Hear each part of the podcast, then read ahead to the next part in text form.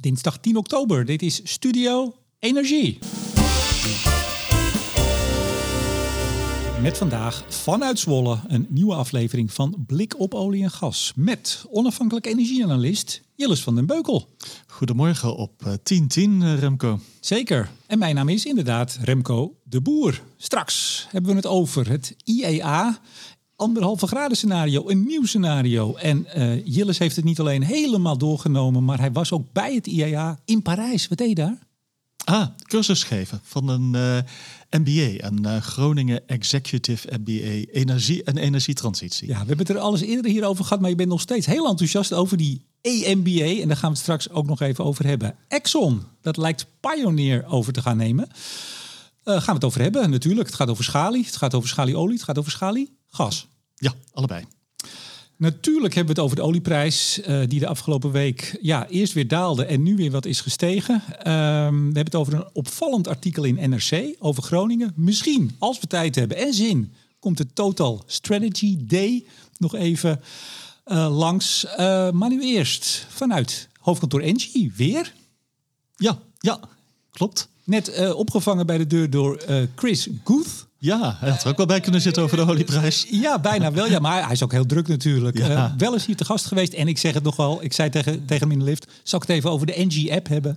We noemen hem even, de NG-app. Volgens mij het kindje van Chris. Reuze handig. Ontzettend handig als je even aan het eind van de dag wil kijken waar alle markten staan. Ik kijk iedere dag even, s'avonds meestal. Nou, wij keken vijf minuten geleden nog even. Ook nog even, ja, precies. Dus uh, daarbij gezegd.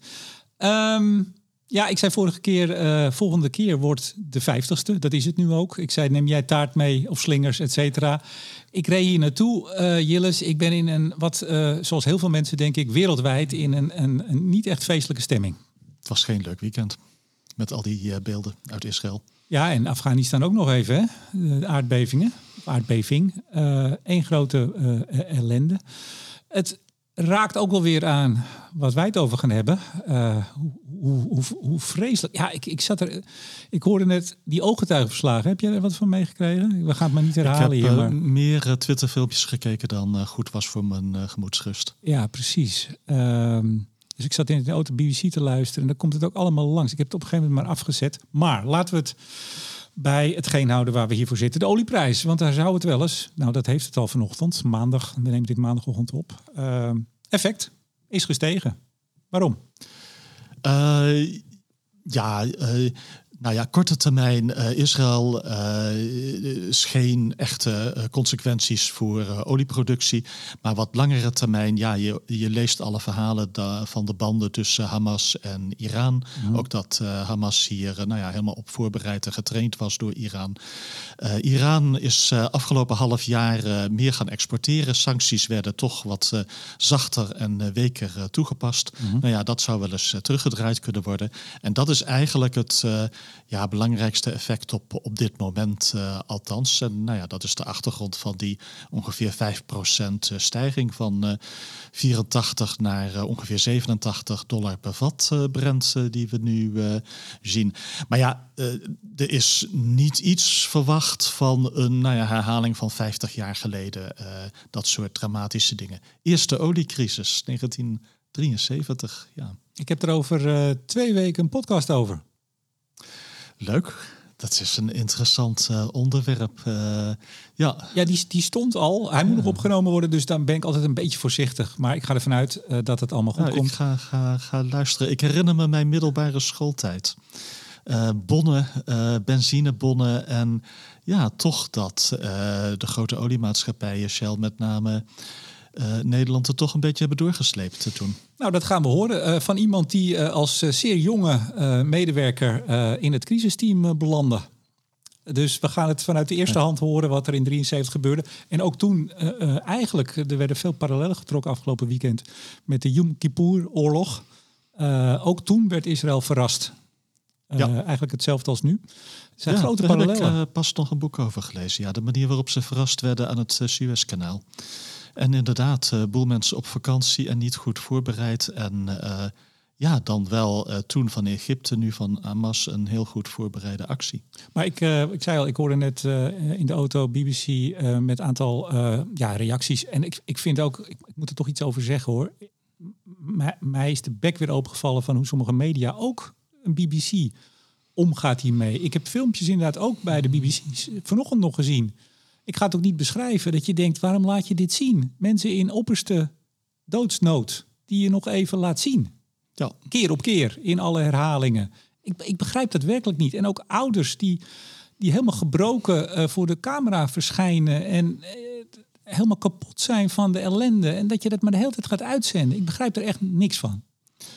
Nee, en dan um, ja, zie je toch uh, de Nederlandse samenleving een beetje worstelen daarmee om te gaan. Waarbij, wat mij tegenviel, zoveel mensen dit op dezelfde lijn zetten als uh, wat Israël nu als staat doet. Ik bedoel, wat er dit weekend gebeurde is uh, terrorisme.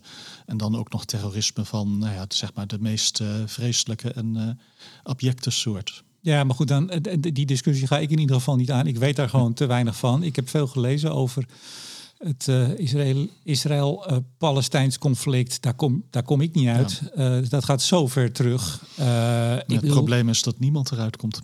Nee, maar als je hoort ja. de, de omstandigheden waaronder die 2 miljoen mensen in, in, in de Gazastrook zitten, al jarenlang. Ja, dat is... Nou ja, daar heeft uh, met name de regering Netanyahu uh, weggekeken. Maar dat neemt niet weg dat je volgens mij dit terrorisme niet op dezelfde lijn kunt stellen als het uh, geweld van de staat Israël in reactie hierop. Nee, nou, dat gaat ver buiten ons. nee, ik denk dat je gelijk hebt, maar dat gaat ja. ver buiten ons, ons onderwerp hier. hey, ehm, ja, waar zitten we? Ik ben helemaal van mijn apropos meteen erdoor. Intrafo 2.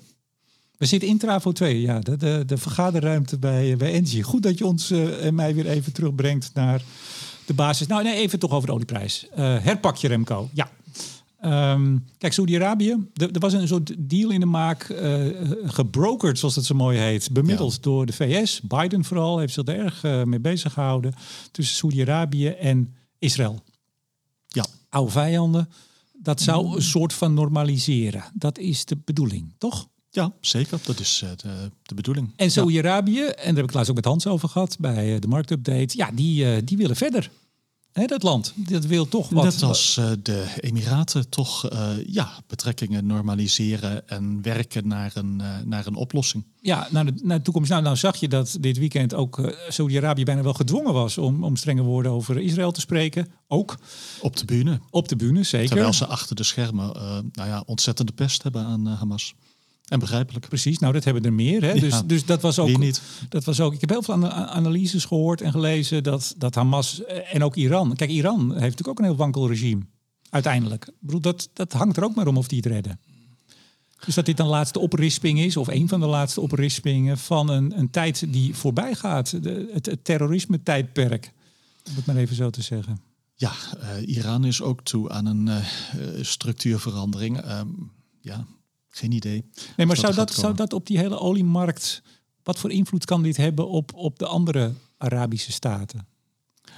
Um, nou ja, in ieder geval uh, onrust en onzekerheid. En dat is eerder hogere dan, uh, dan lagere prijzen. En ja, je, je ziet de disconnect tussen een Saudi-Arabië op de bühne. Daar moeten ze wel heel fel zijn over Israël. En achter de schermen, waarin ze toch een stuk constructiever zijn dan ze wel geweest zijn in het in het, uh, in het verleden. Ja. ja, en Syrië, daar verandert niet zoveel. En Egypte, daar is veel veranderd onder, uh, onder Sadat in de jaren zeventig. Ja. En dat is een, een blijvende verandering uh, geweest. En je zou hopen ja, dat andere Arabische landen meer Egypte, Jordanië en minder Syrië, Iran worden. Ja, ik las uh, New York Times column Thomas Friedman. Uh, die had nog wat uh, bevriende, uitstekende columnist, nog wat bevriende Israëlische journalisten gesproken. Die, eentje zei van ja, ook, ook 50 jaar geleden, Yom Kippur, uiteindelijk kwam daar de vrede met Egypte uit. Duurde even, maar hè, iets ja, kan ook uiteindelijk... In de tijd dat Menachem Begin Israël uh, leiden. En dat was toch bepaald een, een, vreselijke hardlijner. Ja, dus op een of andere manier zou er ook nog iets uit deze verschrikking, iets moois kunnen komen. En waar ik me dan altijd maar weer aan vasthoud, toch, jij bent iets ouder dan ik. Maar ik heb in mijn jeugd was, was ja nee, je glimlacht, maar het is wel waar.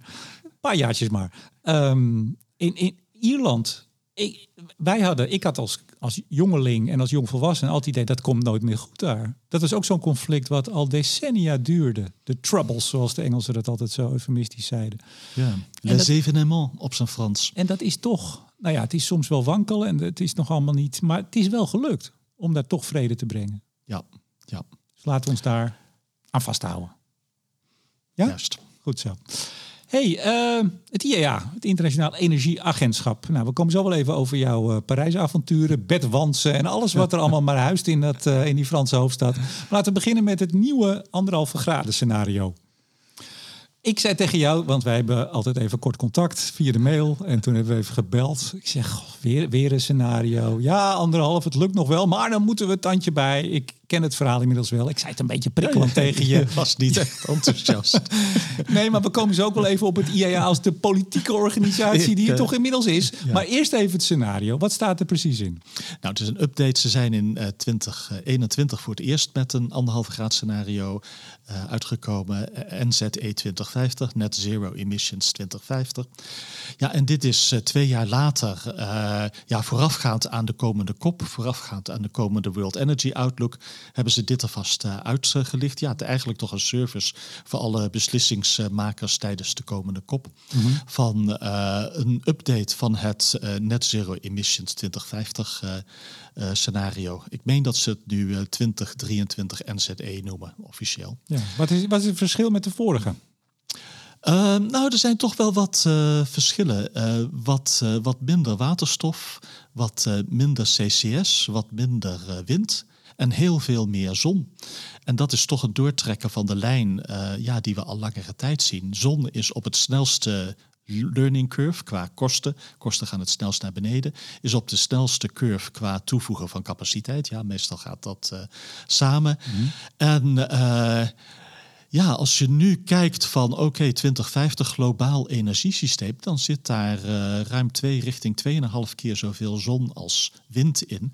En dat groeit verder door, dat aandeel zon. Dus dat is bijvoorbeeld echt iets wat, uh, wat wel verandert. Ja, verder in het algemeen, het pad is wat nauwer geworden. fossiel moet in de resterende tijd tot 2030 wat sneller naar beneden. Ja, dat ziet er toch wel moeilijk uit. 70% minder methaanemissies in 2030 is uh, heel ambitieus. Uh, 20% minder fossiel verbruik. Ja, op dit moment zien we dat uh, helemaal niet in de verste verte niet. Maar, maar Jillis, uh, we hebben nu 50 uitzendingen gemaakt. Ik weet niet meer wel in welke je zei, ja, dat anderhalve graden, dat kan je gewoon vergeten. Dat is gepasseerd station. Dat is in ieder geval wat achter de schermen in uh, nou, energiewereld wil ik niet zeggen, maar wel de olie- en gaswereld toch een beetje speelt. De grote consultancies, ja, die schatten dat in kans minder dan uh, 5%.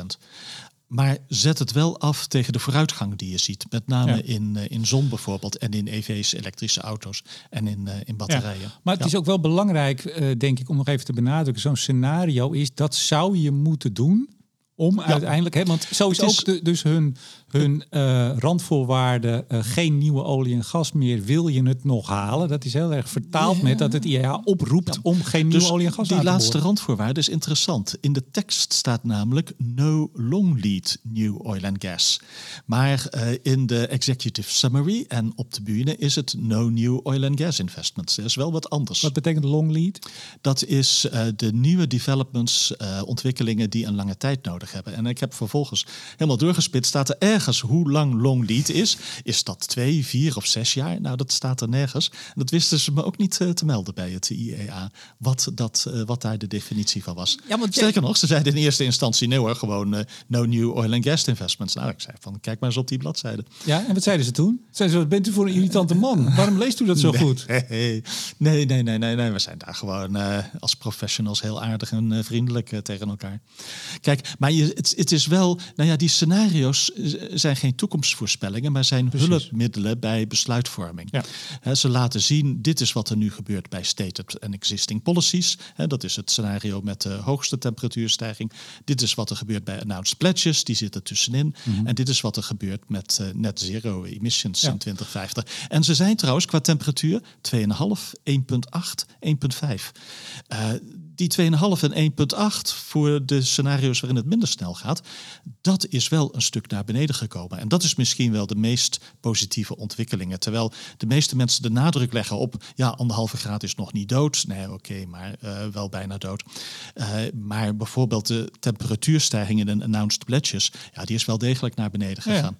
Ja. We komen ook niet meer uit op drie graden. En dat is heel goed nieuws. Nee, maar we zaten volgens mij twee jaar geleden al zo rond de 2,4. Uh, rond Glasgow was dat was het nog iets korter geleden. Nou, anyway. Maar uh, je ziet ook tegelijk dat Parijs, het uh, Parijsakkoord, steeds vaker wordt uitgelegd, zelfs door de NOS, als onder de anderhalf. Dus de, het, het doel is ook opgeschoven. Dus er zit ook geen, als je in de hele retoriek en in de media zie je niet van nou, we komen steeds dichterbij, want het doel schuift ja, ook op. In deze strikt genomen, uh, anderhalf is aardig dood, maar Parijs is in zekere zin niet dood. Uh, ruim onder de twee. Als je 1,8 ruim onder de twee noemt, zover mogelijk, nee, maar, nee, maar ja, dat precies. is nog wel reëel. Maar ja, nee, maar Jillis, wacht even. De, IAA heeft twee gezichten. Wacht even, nee, wacht even. Ja, ja, wacht. nee. nee, nee, nee, één tel. Nee, maar Parijs wordt steeds vaker uitgelegd. Ik heb op een gegeven moment iemand van NOS daar uh, op Twitter toen nog een discussie over gehad. Die nee. Die zei ook van ja, onder de anderhalf. Toen zei ik, dat is Parijs niet. Dus wat er letterlijk staat, ruim onder de twee, streven naar anderhalf. Dat wordt nu uitgelegd al een tijdje als onder de anderhalf. Ja, maar Remco, er zijn twee werelden. De wereld op de bühne en de echte substantiële wereld op de achtergrond. De wereld op de bühne heeft het over anderhalf. De echte substantiële wereld op de achtergrond heeft het meer over 1,8. Wie van die twee werelden is belangrijker? Ze zijn. Oh, oh de, de, de substantiële wereld is natuurlijk belangrijker. Dat weet ik. Nee, dat, daar ben ik ja. niet zo optimistisch over. De, de, de voor de bühnewereld heeft steeds meer invloed op de werkelijke wereld. Ja, maar, maar bühnes, nou ja, bühnes veranderen.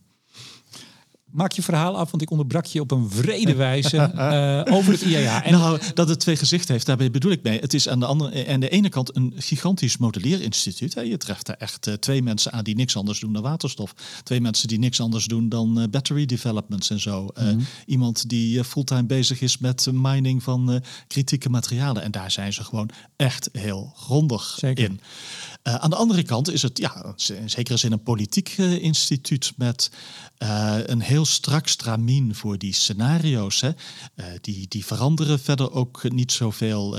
steps, APS, net zero, dat is in lange tijd is dat al op dezelfde manier dat dat bestaat. En dat eigenlijk zijn de tussenscenario's die ook van bedrijven als Equinor komen of Shell veel interessanter als waar zou het heen kunnen gaan. Maar vergeet niet, scenario's binnen de grote oliebedrijven hebben een andere functie dan scenario's binnen IEA. Scenario's binnen IEA's is een hulpmiddel voor politici. Uh, scenario's binnen oliebedrijven is echt van nou waar zou het heen kunnen gaan? Uh, midcase. Uh, en niet zozeer end-member cases bij, als hulp bij de besluitvorming voor een CEO of voor een board. Ja, dat zijn echt andere dingen. Ja, met... Dus bij die oliebedrijven zie je een delayed and disorderly scenario. Hè, of een islands scenario. Werelden die qua politiek, geopolitiek uh, uit elkaar beginnen te vallen met veel meer uh, concurrentie. Nou ja, en ik vroeg ook bij het IEA van, doen jullie wel eens dat soort scenario's? En dan zeiden ze van nee, dat ligt toch eigenlijk te gevoelig voor een organisatie als IEA. Ja, maar dan kom je precies dus op het punt wat ik in Nederland, ik heb het al eens vaker gezegd, met het PBL had en heb. Ben ze iets uit het oog verloren, om, de, om die reden die ik nu ga vertellen. Uh, de, de achtergrond, uh, de rapporten, de studies, uitstekend. Maar voor de bühne, dan hebben we het weer, voor de bühne en de werkelijkheid, voor de bühne echt verhaal dat ja, nou flikken die persberichten maar gewoon weg. Want daar kan je echt niks mee. Ik heb vaak gezegd, gooi weg. Zelfs met Bontebal en de Boer hebben we, daar, hebben we ons daar nog over opgewonden. Ja, maar dat weet iedereen toch, Remco, nee, in onze weet, wereld? Nee, dat, nee ja, in ons, ja, onze wereld. Nee, maar mensen krijgen uiteindelijk mee wat er in het... Ik heb het vaak gezien, dan zat de NOS en iedereen zat daar in, de, in het perszaaltje. En uiteindelijk wat toen Pieter Boot en in het persbericht stond, dat werd het nieuws. En dat is dus echt niet vaak... Of ja, het, is, het staat er wel, maar het, nou ja, we weten Ja. precies, jij weet het ook. Je kunt de werkelijkheid naar je hand zetten door iets net wel of net Ja. niet of net even anders te formuleren. En dat politieke aspect, wat ik toen heel erg bij het PBL zag, zie je ontzettend bij het IAA. Dus ik kijk wel naar hun rapporten, maar alles wat eh Birol voor de bühne doet en alle persberichten, ja, flikker over de heg. Ja, Birol is de koning van de persberichten. Maar dat betekent niet dat er niet heel veel substantieel werk daar wordt Nee, dat zeg, ik- dat zeg Ja, ik net. Dat ja. gebeurt, maar dat Dus is ook zo erg. Vergeet het persbericht, lees het rapport. Ja, dat, dat doet dus niemand. En ook Nee, dat journalisten doet niet. iedereen toch binnen onze wereld. Ah, ja, Nou, geef ons feedback, je, mensen. je, je, je moet dus even uit Lees onze wereld stappen. Je moet dus even uit onze wereld gaan. De- onze wereld is niet de werkelijkheid. Nou, ik hoop, ik zoek, ik zoek persoonlijk en naar mijn idee heel veel mensen binnen de wereld zoeken toch wel de werkelijkheid. De Letitia's het is- van deze wereld zoeken de Het werkelijkheid. is ook de werkelijkheid. Maar uiteindelijk gaat het om besluitvorming, politieke besluitvorming. Wel of niet. Ik zag net nog een bericht kwam binnen. Iets van 250 miljoen voor waterstofprojectjes. Eh, weet je, uiteindelijk besluit de politiek. En daar zit weer media. Heeft daar een sterke invloed op. Nou, we gaan maar door. Want hier komen we gewoon niet uit. Even nog over de NBA. Je was in Parijs dus. Oh ja. Ehm, ja, je was eh, weer ontzettend enthousiast. Nou, je hebt het net eigenlijk al verteld. Heb je nog Nou, iets extra's te vertellen? het- Ja, het- ik weet je, het is gewoon eh, leuk om eens eh anderhalf dag les te geven aan eh dertigers die al tien jaar in de energiewereld werken en die van allerlei ervaring kunnen meebrengen. Het zij aan de fossiele, het zij aan de hernieuwbare kant. En dat is een beetje half-half. eh, eh, en nou ja, je, je krijgt gewoon eh, hele goede discussies. Eh, het is ook meer discussie dan eh, college geven, een beetje van beide. En voor mij werkt dat, maar volgens mij voor de mensen zelf ook die dat, eh, die dat eh, volgen in, eh, in Groningen. Bij Magiel Mulder, die Precies, het is, het is Nederlands, hè? maar dan in Parijs. Ja, maar het is een internationaal. Nou, dat is dan één week dat ze bij elkaar zijn in Parijs. Het is twee jaar, vooral digitaal natuurlijk, met af en toe bij elkaar komen. En het is echt een internationale groep mensen van overal die vandaan komen, met misschien een derde Nederlands, maar een derde Europees en een derde Anywhere. Oké. Nou, eh, genoeg promo voor de, voor de MBA-opleiding. en als iemand Ze het, verdienen het. als, nou, als iemand het leuk vindt, eh, google het. En als je het niet kan vinden, eh, zoek Jilles en dan gaat hij je vertellen hoe en wat. Exxon eh, heeft het voornemen om Pioneer over te nemen. Ja, Eh, maar laten we dit even afpellen. Want sommige mensen heb je weer onze wereld, zeg jij dan. Maar er zijn heel veel mensen die luisteren, die hebben een hele andere wereld. Laten we eerst even beginnen. Exxon, nou dat kennen de mensen nog wel. Die zitten voor de helft in NAM. Dus eh ja daar kennen ze ze meestal niet van, want dat houden ze zoveel mogelijk op de Nou, achtergrond. Pioneer kennen Maar sommige oudere mensen nog nou. als een, een audiomerk misschien. Maar wat is Pioneer? Laten we daar beginnen. Pioneer is een van de meest eh, eh, in het oog springende eh schalieoliebedrijven en schaliegassen ook in de, in de VS. Heeft al een hele lange geschiedenis. Ooit heette het Parsley. Ze hebben een CEO die heel zichtbaar is, die al 25 jaar de CEO is, Scott Sheffield. Nou, dat is een van de twee meest zichtbare mensen in de Amerikaanse schalieoliewereld. De andere is Harold Ham van Continental. Enorme tegenstelling. Scott Sheffield is echt een, die ideale schoonzoon toch een beetje met eh doorvrochte verhalen. Heeft petroleum engineering eh, gestudeerd. Redelijke man. Eh, echt. En eh, ja, hij is eh, nou ja, al heel lang de CEO daar. En, maar hij is ook een soort, een soort boegbeeld van. hij zou dit jaar, eind van dit jaar, met pensioen gaan. Eh, dat is de tweede of derde, weet ik niet meer hoeveelste keer dat hij dat heeft aangekondigd.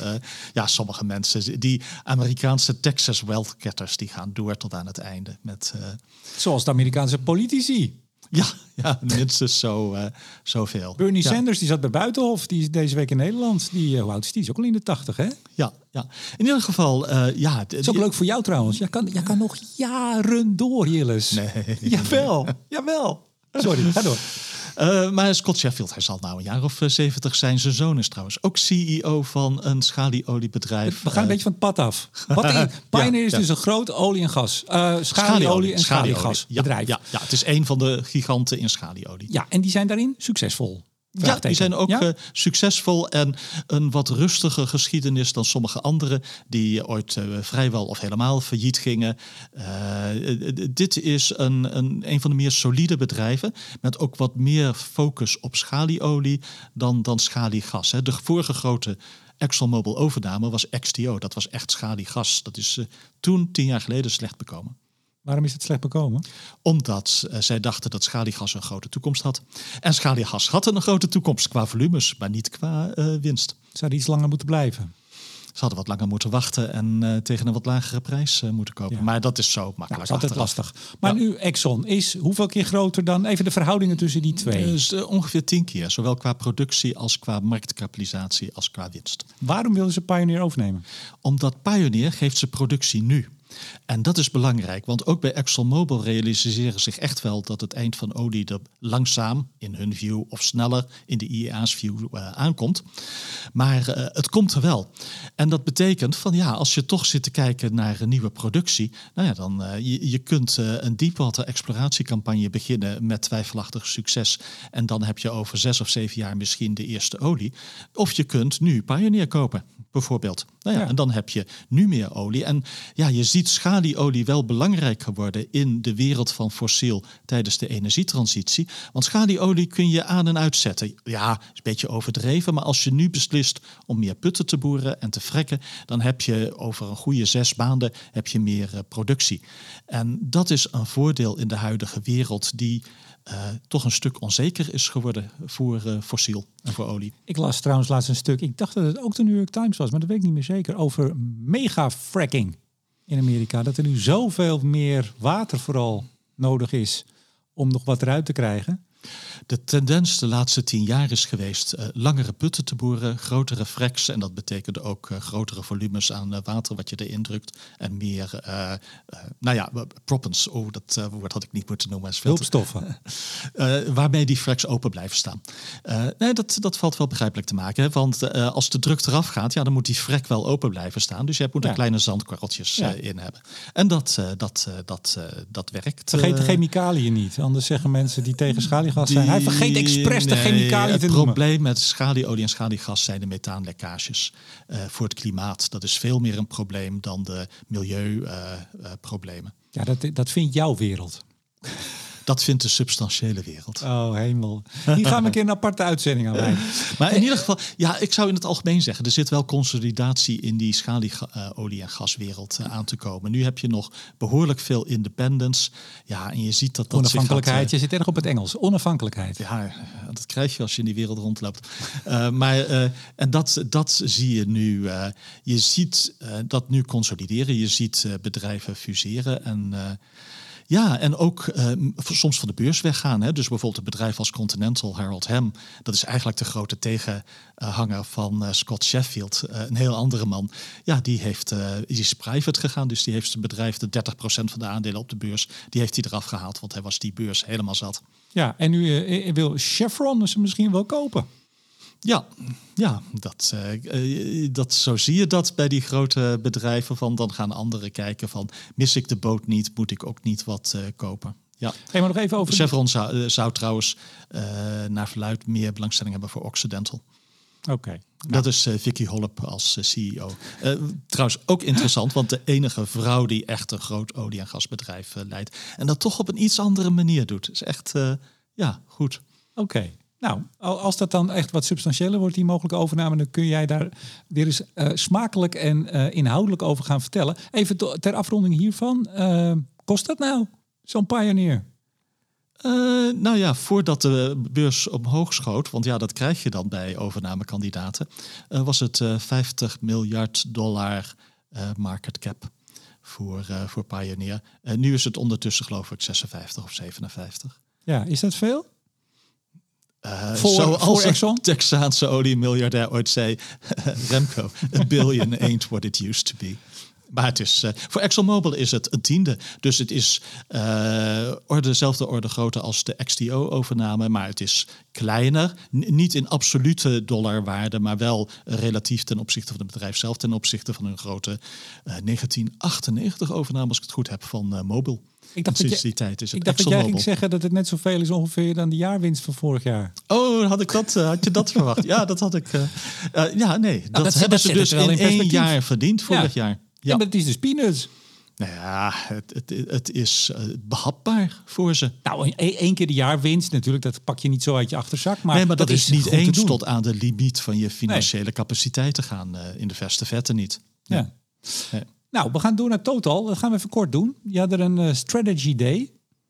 Ja. Volg jij dat dan? Is dat ja, ja, ja, ja hoor, dat uh, volg ik. Uh, want kijk, uh, strategy days zijn ietsje leuker dan kwartaalcijfers. Want ja, dan is er iets meer ruimte voor discussie over de lange termijn toekomst van een bedrijf. Nou, wat is de strategy van Total? Wat gaat er gebeuren?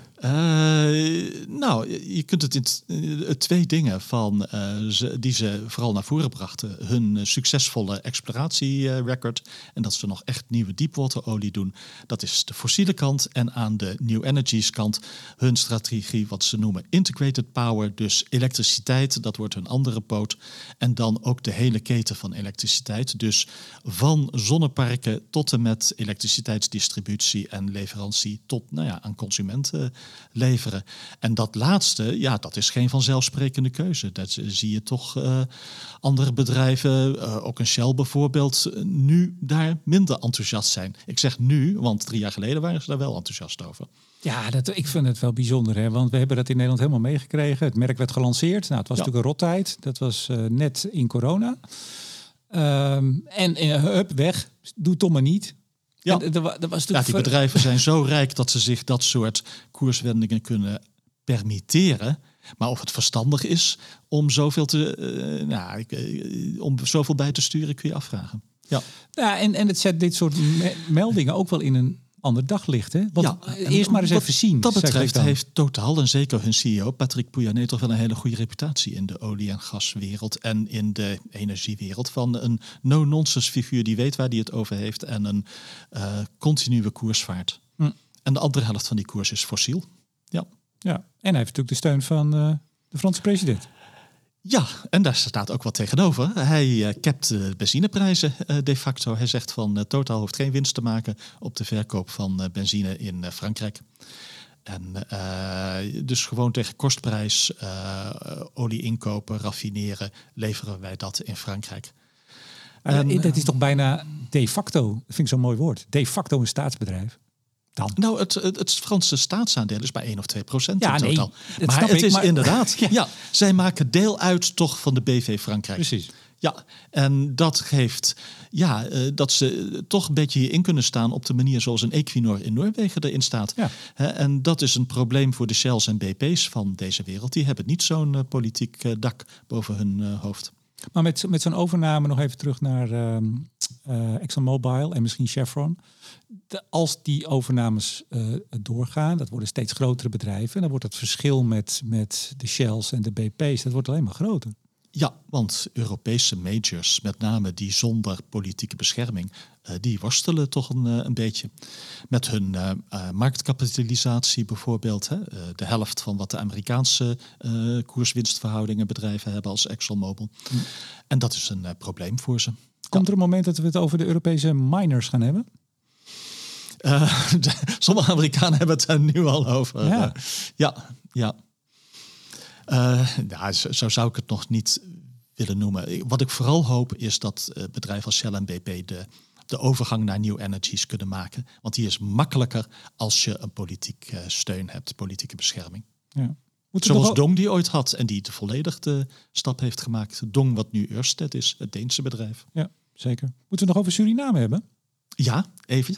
Uh, want dat was een van de dingen die ze aankondigden. Van ze deden drie appraisal wells. Dat zijn putten om te kijken van hoe groot is het veld eigenlijk wat ze gevonden hebben. Hoe goed uh, stroomt uh, de olie. Van die drie hadden ze er twee geboord. Die waren succesvol. En er was weliswaar nog geen officiële FID genomen. Final Investment Decision. Beslissing om te investeren.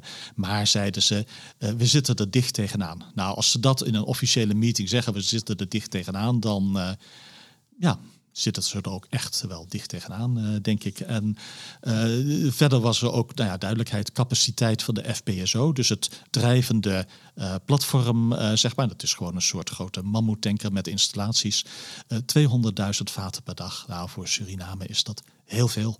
200.000 vaten per dag.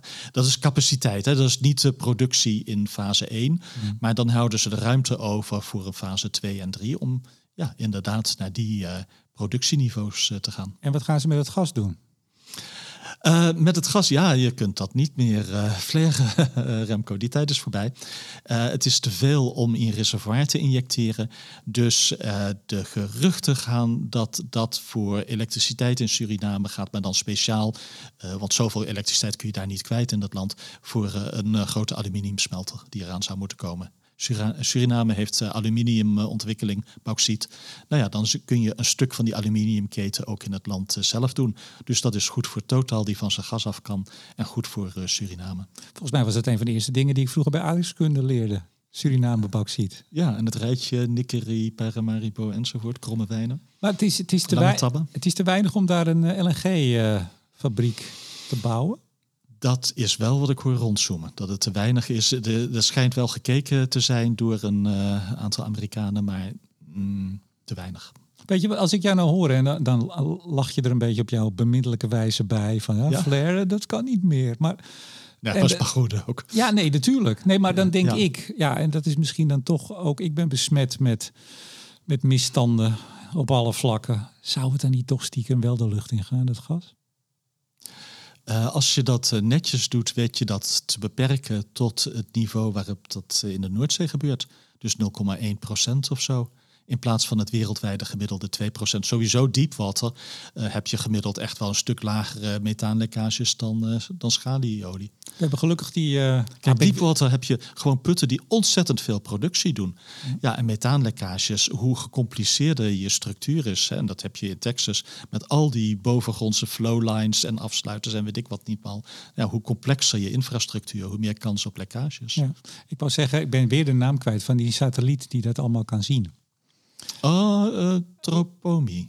Zoiets. Ja. Nou, laat die er maar goed boven gaan hangen. Als ze, als ze eenmaal gaan produceren. Even in de gaten ja, Maar dat gebeurt ook. Ja, je hebt uh, contractors als uh, Kairos en zo, die nu echt uh, als service voor olie- en gasbedrijf, maar ook bijvoorbeeld voor het IEA, dat echt in de gaten houden. Ja, ja. nou, heel goed. niet offshore alleen goed, maar Goede ontwikkeling. wel in Texas en Siberië. Zeker. Hey, tot slot. Ehm, ik lees een titel voor van een artikel in NRC Handelsblad. In ah. Groningen regent het geld voor schade die er eigenlijk niet is. En dat laatste stukje die er eigenlijk niet is, staat tussen aanhalingstekens als quote van een van de mensen die ze daar gesproken hebben in Groningen. Uh, ik vond het een buitengewoon opmerkelijk artikel. Wat vond jij? Ik vond het ook buitengewoon opmerkelijk. Niet de inhoud, want een boel mensen in de substantiële wereld die weten dat eh, best. Jij hebt het vaak gezegd hier? Ik heb het vaak eh, gezegd hier. Ik heb het vaak eh, verteld aan journalisten. al of niet gevraagd of ongevraagd. maar zeg even, wat, wat zei je dan? Waar gaat dit over? Dan zei ik van, jongens, realiseer je wel dat het grootste deel van de huidige meldingen te maken heeft met schades die niets meer met, of vrijwel niets meer met bevingen te maken hebben. dat we er in 2012 2000 meldingen hadden van schades in een cirkeltje rondom Huizingen in de weken na Huizingen. En dat we afgelopen vier jaar 50.000 per jaar hadden. Een shotgun over de hele Schothagel, sorry, over de hele provincie heen, eh, die gewoon duizend per week het hele jaar doorloopt. En dat je op basis van bijvoorbeeld een onderzoek van een TU Delft echt wel kunt inschatten dat de rol van bevingen misschien niet nul is, maar wel minimaal. Weet je, weet je, ik, ik las dat er ging een, uh, iemand van NRC, die is daar uh, ook een villa, zo werd het ook genoemd, hè? een villa-wijk of in ieder geval een buurt met, met dure huizen, ging die in. Ja. Hij is op meer plekken geweest volgens mij. Ik vond het een heel goed artikel ook. Ik vond het, uh, dan moet ik mijn woorden even goed wegen, ik vond het ja, verbijsterend wat er stond. Um, ik snap ook, en dat wil ik er even bij zeggen, als mensen zeggen, ja, maar dit is in reactie op, hè, op alle ellende van alle jaren daarvoor. Hè, want dat is het natuurlijk ook. We zagen de aankondiging van Veilbrief dat die regeling, ik zeg het in mijn eigen woorden, uh, uh, dat er eigenlijk niet eens zo goed onderzoek meer wordt gedaan. Die is opgehoogd naar 60.000, hè, de melding. En als het niet meer dan 60.000 is, dan, dan wordt dat gewoon van, nou, hier, geld. Gratis geld.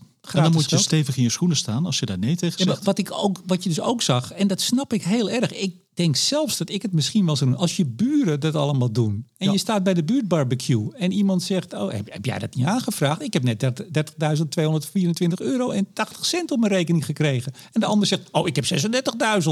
En jij staat daar met je keurige gedrag. En jij denkt, nou ja, ik heb geen schade dan moet je ook wel dat je denkt, ja, ik ben ook wel gek ook. Maar dat we zo ver zijn gekomen. Dus even los van de ellende, hoe we de aardbeving, gaswinning, daar hebben we een parlementaire enquête over gehad. Dat weten we. Dat gaan we niks aan afdoen met wat we nu zeggen. Zeg ik even.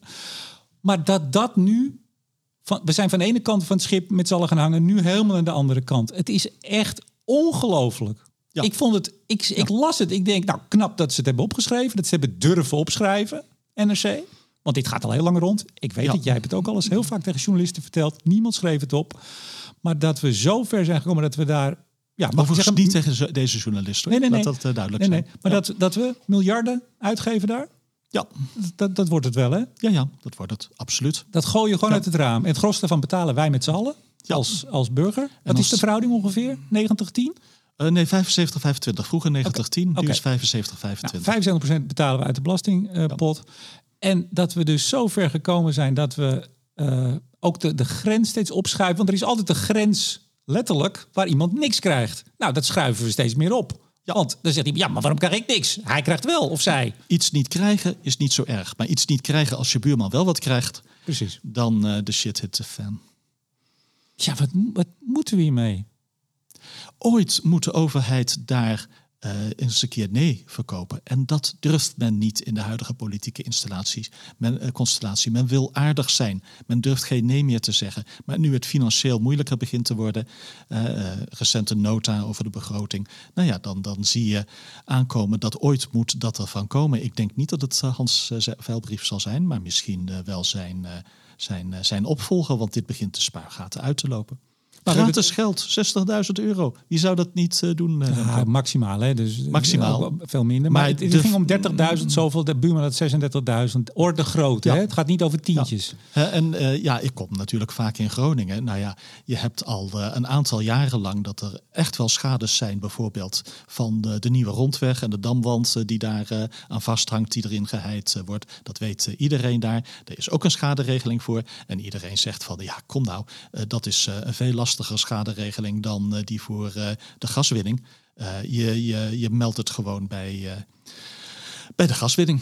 En wat ik het eigenlijk wat mij het meest stoort is dat heel veel overheidsmensen dit weten en daar hun ogen voor sluiten. En ook heel veel journalisten. Men wil het niet. eh, men wil er niet iets mee doen. Nou ja, NRC nu dus wel. Ja, en dat vind ik moedig. Ja. Maar is dat, ik, ik ken de, de, de journalist in kwestie ken ik niet, persoonlijk.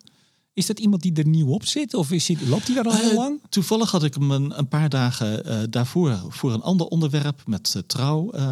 en ik denk dat hij relatief nieuw is. En toen heb ik hem door nou ja, meer gaswinning in het algemeen Schrijft heen hij, gepraat. schrijft hij voor Trouw en voor NRC? Volgens mij is die eh, Freelance. freelance. Ja. Oké. Nou, ik, ik ken hem niet, maar, maar, maar ook hulde voor de krant in die zin. ja. En voor de journalist. Eh. Zeker, dat, dat eh, gezegd. Ehm, maar ja, goed, weet je, er zijn al langer stukken ook verschenen over de, de compensatiemaatschappij of de compensatiepolitiek die gevoerd wordt. Hè. Het is ook veel meer dossiers. Hè. Afkopen van nou, schuld, bijna schuldgevoel. Eh gooi er maar geld Kopen tegenaan. van slechte publiciteit. ja, met door er heel veel geld tegenaan te Maar gooien. nou zag je mensen die echt in het, in het ik zou maar zeggen, het, het hart van het Ja. bevingsgebied, die zijn dan weer boos over deze regeling. En dat snap ik ook. Die zeggen ja, zo makkelijk als het daar eh, wordt weggegeven, wij hebben hier nog veel meer problemen, of nog steeds problemen, Ja. om onze Klopt. schade vergoed te krijgen. Ja, en het wrange is dat de hoeveelheid geld die je krijgt vooral een functie is van je vasthoudendheid en van je kennis om een systeem te eh, bespelen en weinig meer te maken heeft met worden schades echt veroorzaakt door, eh, door beving en gaswinning. Eh, variaties in een grondwaterpeil buiten het kerngebied is veel en veel grotere en plausibele reden voor heel veel schades. En die heb ik ook in Appelscha in mijn. Ja, ja want er is, er is al jaren geleden, was dat volgens mij 20 jaar geleden, weet ik veel, een From-rapport over gewoon de staat van huizen in Nederland, algemeen. En Groningen kwam daar toen als slechtste uit. Even los van bevingen, dacht ik. Klopt dat? Ja, maar dat is meer kwaliteit van wonen in mijn herinneringen. Hè, van, eh, ja, je hebt eh, zeker op het platteland natuurlijk veel oudere eensteens enzovoort eh, huizen. Ja, maar even ervan uitgaand dat dat artikel klopt, zeg ik even nadrukkelijk. Als het inderdaad zo is en dat als mensen zeggen, maar wij hebben veel meer moeite om in het bevingsgebied, het hart daarvan, onze schade vergoed te krijgen. Als dat allemaal klopt en dat er dus echt eh 30.000 euro orde grootte wordt uitgedeeld, er wordt zelfs mensen actief benaderd, er wordt aangebeld. Hebt u, Nou, u, u hebt u, we zien op ons papier, u hebt, Instituut eh, Mijnbouwschade moedigt dit eh, aan. u hebt nog geen schade gemeld. Ja. Eh, wilt u dat even gaan doen? Dat, dat zou toch, nou, dat, dat is een nieuwe parlementaire enquête, zou je bijna zeggen. Dat is toch bi- te bizar. Nee, maar het is toch te Ja. bizar voor woorden dat mensen die echt slachtoffer zijn, ontzettend moeite. Nou, eh eh Marien, Marien Boonman, die Ja. al jaren heeft er meermaals over verteld eh, in, in Lude Live, eh, stoeit, nou ja, stoeit. Zeg maar gerust vecht me- om, om de schade van, van het huis van zijn ouders vergoed te krijgen. En ze gaan gewoon langs. Zeggen, nou, heb oh ja, ik heb nog wel een scheurtje in de kelder. Dus je nou, zou hoppa. willen dat al die inspanningen terechtkwamen in het kerngebied waar je echte schades hebt en echte problemen en echte stroperigheid. En dat ze hier nu gewoon een grens aanstellen. Wat was, de, wat was die norm nou? Dat, zelfs in gebieden waar de kans is van 1 op 10.000, heb ik dat goed gelezen? Dat het ja, schade is of door één op een beving. miljoen, die orde van grootte. Dan nog krijg je blind, Ja. zeg maar, die schade vergoed. Ja, blind. Ja. Nou, dit, eh, we gaan naar de stembus binnenkort. het criterium is een niet voelbare bodembeweging die tot 30 jaar geleden mag zijn. Niet voelbaar. En, men- maar met goede orde. eh, dat, eh, dat zou dan voor de schades boven 36.000 en nu boven 60.000 zijn. Ja. Want ja, Ja. Nou, we gaan het binnenkort misschien nog wel eens hebben over. eh, ik zag Margriet Kuiper zich terecht weer boos maken over dat de putten uiteindelijk ook dicht moeten worden gestort met beton. En zij zegt: Doe dat nou in godsnaam niet. Ze, ze zegt het veel netter en gebruikt dit woord niet. Maar doe dat niet, want als je later nog. eh, Die, die bevingen stoppen niet. Het kan nog best eens een flinke klap worden. En dan als je ze afsluit, die putten, dan kan je ook niks meer. Ja, dat is een andere discussie. een andere discussie. Komen we Ja. vast nog wel een keer over te spreken. Ja, Jilles. leuke discussie voor aardwetenschappen, maar niet voor andere mensen. Dat is jouw wereld. hey, vooruitblik.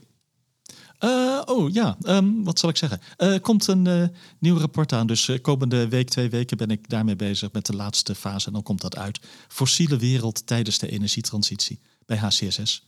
Kijk eens aan. Eh, Ik ben eh, tijd aan gewerkt. En eh, dat is dus toch een soort, eh, ja, eh, wat, wat groter, wat langer, wat filosofischer rapport. Ja. Oké, nou daar kijken we nu dan al naar uit. Eh, ik eh, kijk uit. Ja, waar kijk ik naar uit? Ik kijk naar zoveel uit. Maar een van de dingen is, ik leid het Nederlands industriedebat.